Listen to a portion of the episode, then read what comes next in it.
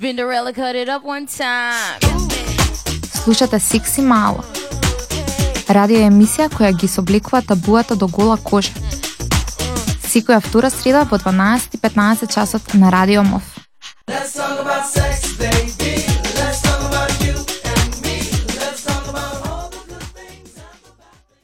Уште една среда, заедно со Секси Мало, нашата предпоследна емисија која што ја посветивме на а, 10 години од кампањата за 17 декември, денот посветен за а, стопирање на насилството врз сексуалните работници. Продолжуваме со краток джингл и веднаш потоа ќе ви најавиме за што повеќе и со кого во оваа емисија ќе се дружиме.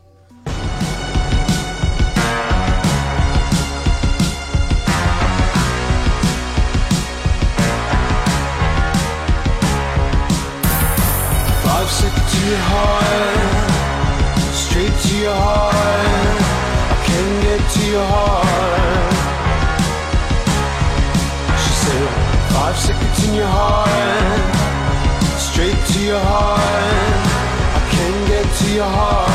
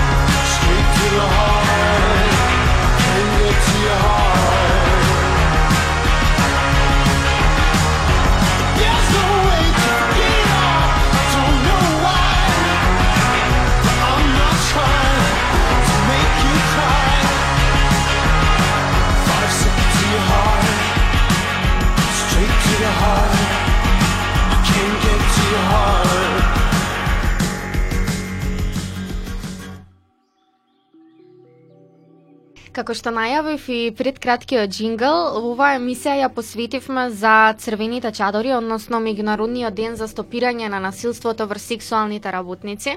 И како и секоја година, така и оваа граѓанската иницијатива за промоција и унапредување на правата на сексуалните работници и работнички, Стар Стар од Скопје, заедно со своите подржувачи се приклучи кон глобалната акција за солидарност кон овие работници во пресрет на овој значаен ден.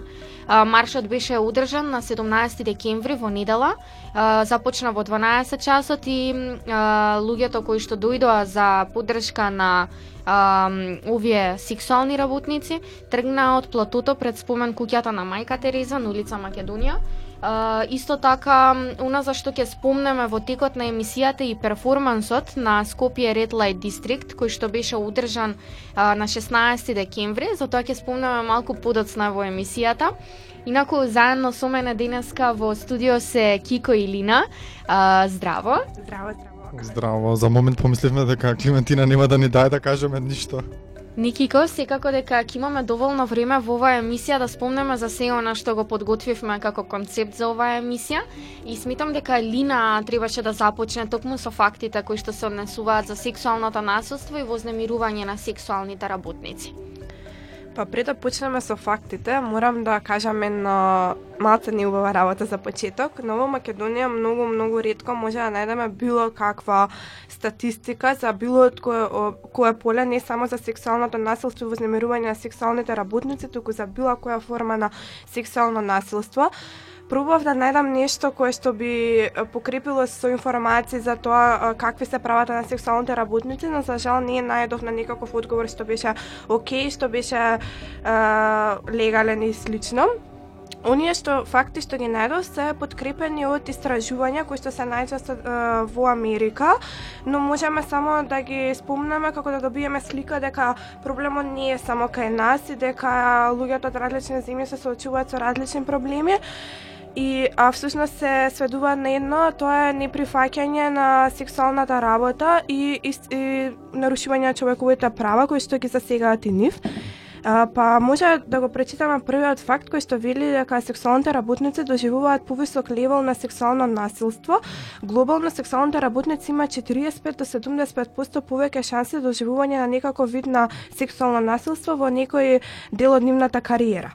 Ова е една голема бројка. Ова истражување е спроведено, како што кажа, во САД, но пишува дека и во земјата на Источна Европа и така како се овој процент може и да дојде до повисоко ниво, а дури и до 90%, што е многу лоша слика за нарушување на човековите права и која исто така се рефлектира и во Македонија.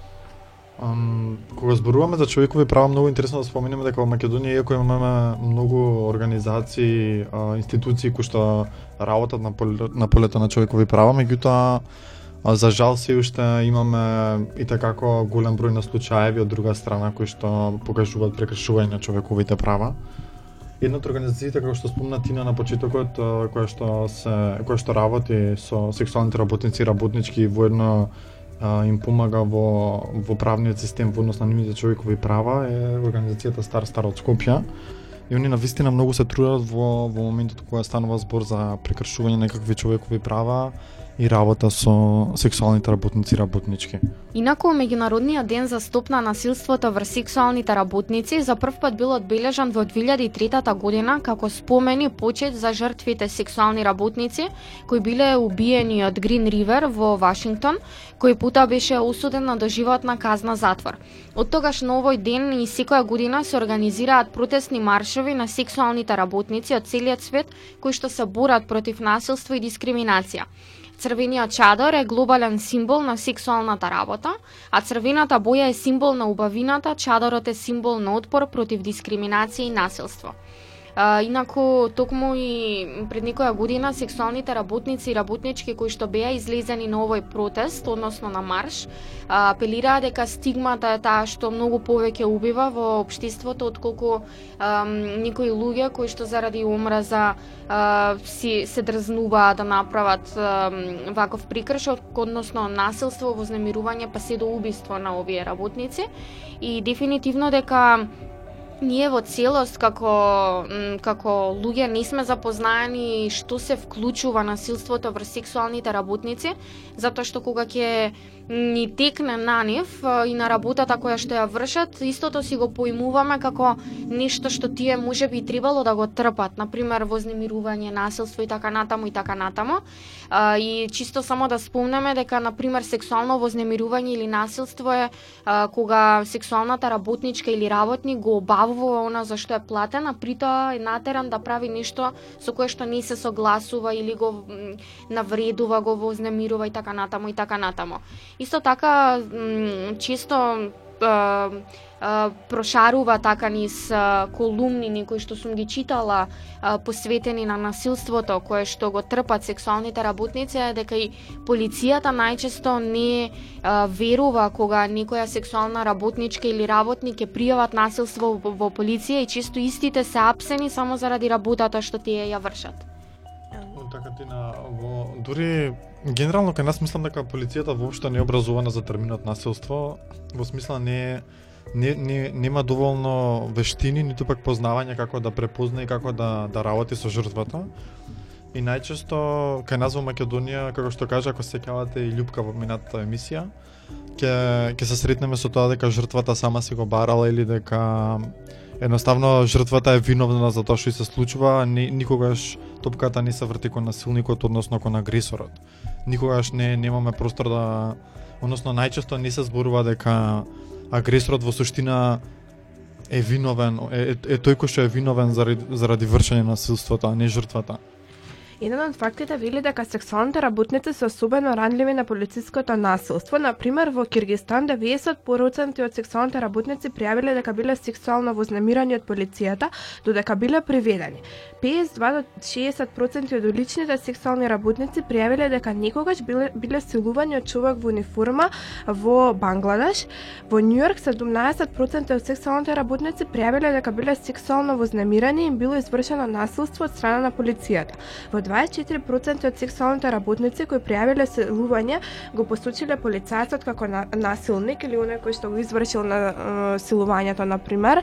Овие факти и бројки се зачудувачки кога станува збор за човек кој што треба да го брани правото и треба да го а, брани она што се случува, а што не е правено и не е законски. И можам да кажам дека иако кај нас нема ваква статистика, не верувам дека може да се пофалиме со добра бројка на оваа листа. Да, најчесто сексуалните работници него ни пријавуваат насилството во полиција, како што кажавме, токму од оваа причина. А, постои една, една анкета која што била извршена во Торонто, а, каде што се вели дека 100% од сексуалните работници кои што биле анкетирани и притоа се мигранти, кажале дека никогаш повеќе нема да бидат да повикаат полиција ако им биде извршена било каква форма на насилство, а во Канада само 25% од младите кои преживеале а, насилство, односно а, сексуално вознемирување или сексуално насилство, а, кажале дека би пријавиле а, ако бидат жртви на сексуално насилство во полиција. Исто така имаше една позната случка кога судиката Тереса Кардени од Филаделфија а, го осудила сексуалното силување на една работничка како кражба на услуги и одбила било какво притискање од страна на обвинителството и било какво спомнување понатаму на овој случај а, и никаде не навела дека станувало збор за сексуално насилство. Во Јужна Африка полицијата одбива да ги следи случаите на силување кои вклучуваат сексуални работници или пак им се смеваат на жртвите кога жртвите се појавуваат. Само би додала дека во САД и во Централна и Источна Европа понекогаш сексуалните работници се упатуваат е, или се уапсуваат при нивното упатување од страна на полицијата која ќе пријават сексуално насилство или пак трговија со луѓе, што е страшна форма на е, грижење за човековите права. Mm, да, на вистина продуците кои што ги ги ги спомнува да се на вистина сериозни и се и така како важни да се да се кажат малку погласно и артикулираат заради тоа што најчесто и ние луѓето понекогаш а, знаеме да кажеме некоја шега мислејќи дека таа е соодветна за моментот, меѓутоа е многу дискриминирачки настроена, особено кон сексуалните работници и работнички. Пред да продолжиме понатака, одиме со малку музика и се враќаме назад.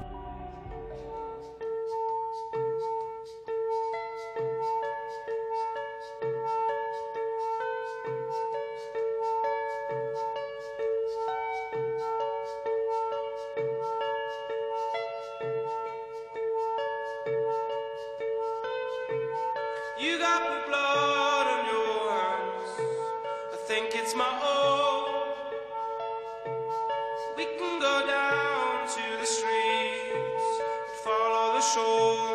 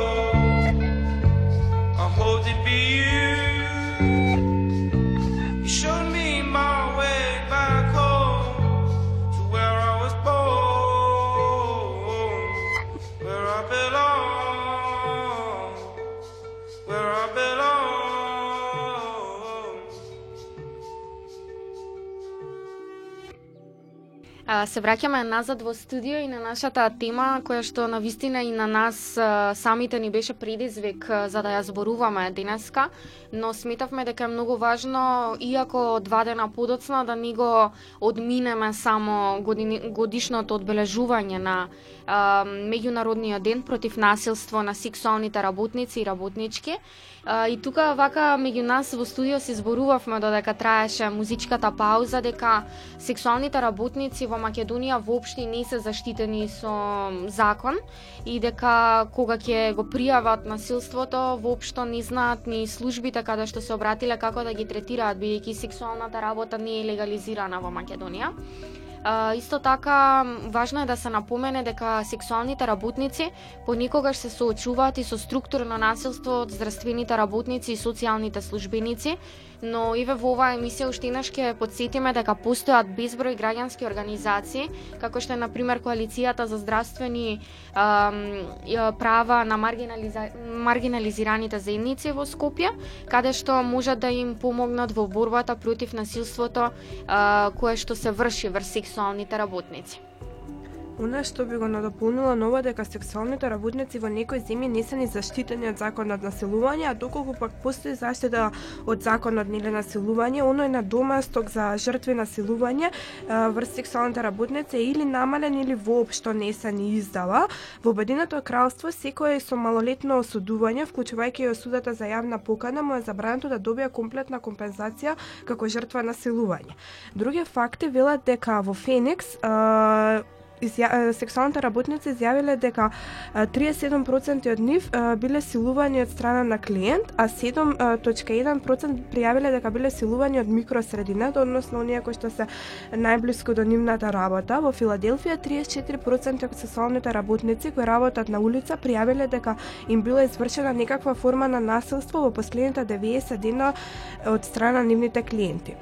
Ампак во Нью Йорк 46% од сексуалните работници кои работат внатре пријавиле дека биле натирани да направат нешто што не сакаат од нивните клиенти и над 80% од сексуалните работници доживеале некако вид на насилство. Ова би се надоврзала на она што Тина го кажа на почетокот дека многу луѓе не го разграничуваат сексуалното насилство и вознемирување токму поради овие причини, поради тоа што сметаат дека работата на сексуалните работници нема крај, нема одредени граници, не, не го заседува поштува нивното лично право и токму во оној момент кога ќе кажат дека не сакаат нешто, многу од луѓето не го почитуваат и токму овој факт кој што е доста голем дека 80% од сексуалните работници доживеале некако вид на насилство е токму поради тие причини што сексуалното насилство и вознемирување на сексуалните работници е едно од најголемите табуа во нашето општество и секаде во светот и а, ние можеме да се а, да кажеме дека во Македонија се сме не, на некако подобро ниво кога станува за било кое прашање на сексуалните работници бидејќи стигмата е, е го зголемува насилство а во насилството во Македонија и така е голема. А, исто така постојат и безброј статии кои што укажуваат на тоа дека стапките на сексуално и физичко насилство врз сексуалните работници се пониски онаму а, каде што сексуалната работа не е криминализирана, односно каде што работата на сексуалните работници е легализирана во контекст на ова, декриминализацијата им овозможува на сексуалните работници да работат заедно, а за сексуалните работници кои работат на улица да работат во побезбедни области и други фактори кои што би ја зголемиле нивната безбедност. Легализацијата на сексуалната работа исто така го зголемува и пристапот на сексуалниот работник до правдата и му овозможува да пријават насилство во полиција без да се плашат дека може да бидат уапсени. Исто така постои анкета која што вели дека 70% од сексуалните работници и даватели на овие услуги во Нов Зеланд велат дека сексуалните работници почесто одат во полиција откако сексуалната работа била легализирана во Нью Зеланд. Токму така, Тина, само сакам да малце да те надополнам во однос на тоа што го зборуваш. А, сакам да кажам дека и сексуалната работа не е форма на сексуално насилство, но сексуалните работници се особено ранливи кога зборуваме за сексуално насилство и кога зборуваме за оној интимно партнерски однос. Многу често се во општеството постојат такви ставови дека сексуалните работници и работнички не може да имаат партнери, дека токму само заради нивната работа не може да одржат некаква квалитетна врска помеѓу партнерите. Незборувањето за, за сексуалната работа, неартикулирањето на тој момент, а воедно и, а, ајде да кажам, за скривањето на сексуалното насилство и сексуалната работа, само може да, да го зголеми насилството врз сексуалните работници со а, продолжување на стигмата. А стигмата сме сме свесни дека секогаш води кон некакви поинакви случувања во општеството и најчесто во овој случај стигмата го зголемува насилството врз сексуалните работници и работнички. Да, и ги оттуѓува сексуалните работници од социјалните услуги, тоа што може да се да резултира со игнорирање на сексуалните работници како жртви на сексуално насилство. Фала ти Лина што ме дополни. А, само како мало надополнување на она што станува збор за стигмата и Македонија, односно општеството во кое што живееме, токму заради е, подигнување на свеста и е, газење на таа стигма што постои кон сексуалните работници, а, на 16 декември, односно во саботата, Стар Стар во соработка со коалицијата Сексуални и здравствени права на маргинализираните заедници, организираше уметнички перформанс под името Скопје Red Light District, А, тоа беше една уметничка инсталација со цел да го отслика шармот на улиците на црвените фенери со бордели во Амстердам. Улицата на црвените светла представува символ на слободниот и толерантен став кон најстарата професија на светот и Скопје за прв пат доби девојки на излог. Уметничката инсталација пробуди доста интерес кај случајните минувачи, а самиот настан беше и медиумски пропратен и со овој перформанс насловен Скопје Red Light District, Star Стар Стар побара да престане насилството врз сексуалните работнички и да продолжи јавно да се зборува за нивните проблеми и права. Uh, мислам дека доволно информации начинавме и збори, зборавме и презентиравме во ова издание на Секси Мала. Uh, и како што рековме, на вистина не постои ниту една статистика, дури и многу малку истражувања постојат во однос на насилството кое што го трпат uh, сексуалните работници и работнички.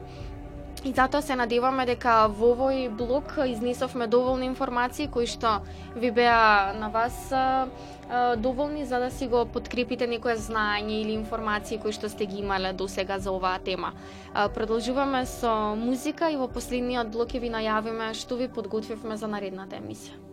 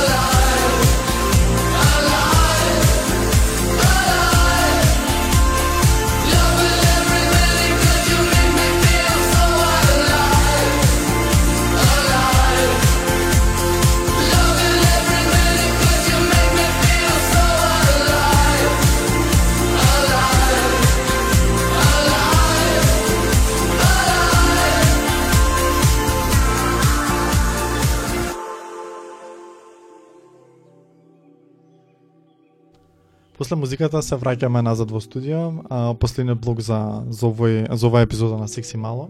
Тоа кое што сме ви должни, како што спомна Тине да ви кажеме што правиме следната емисија. Оваа емисија е предпоследна за оваа година, односно следната среда во 12:15 на Радио Мовки имате прилика да не чуете пред ново, новогодишната, ајде да кажам, емисија. А, таму ќе зборуваме за што све секси малци правеле изминатиот период, за кои теми зборувале, ќе направиме еден времеплов, да кажам, од септември до, до сега. А, и може би ќе чуете нешто кое што не сте имале прилика да го слушнете во етер, меѓутоа се случувало зад микрофоните додека да одела музиката. А може би како група на Хера Млади некој ќе сака еве јавно сега ги повикуваме да не дојде да ни каже што правиме како Хера Млади, а не само како секси мала, па еве отворена покана до сите наши волонтери во Хера Млади да дојдат во емисија заедно да се дружиме пред новогодишно со сите нас тука. А и отворена покана за сите оние кои што не следат на, на Радио Мов, да ни постават можеби некое прашање или можеби нешто кое што сме заборавиле да го кажеме, да го дообјасниме во етер. Точно така, затоа останете со Радио и со Секси и наредната среда во 12:15 часот.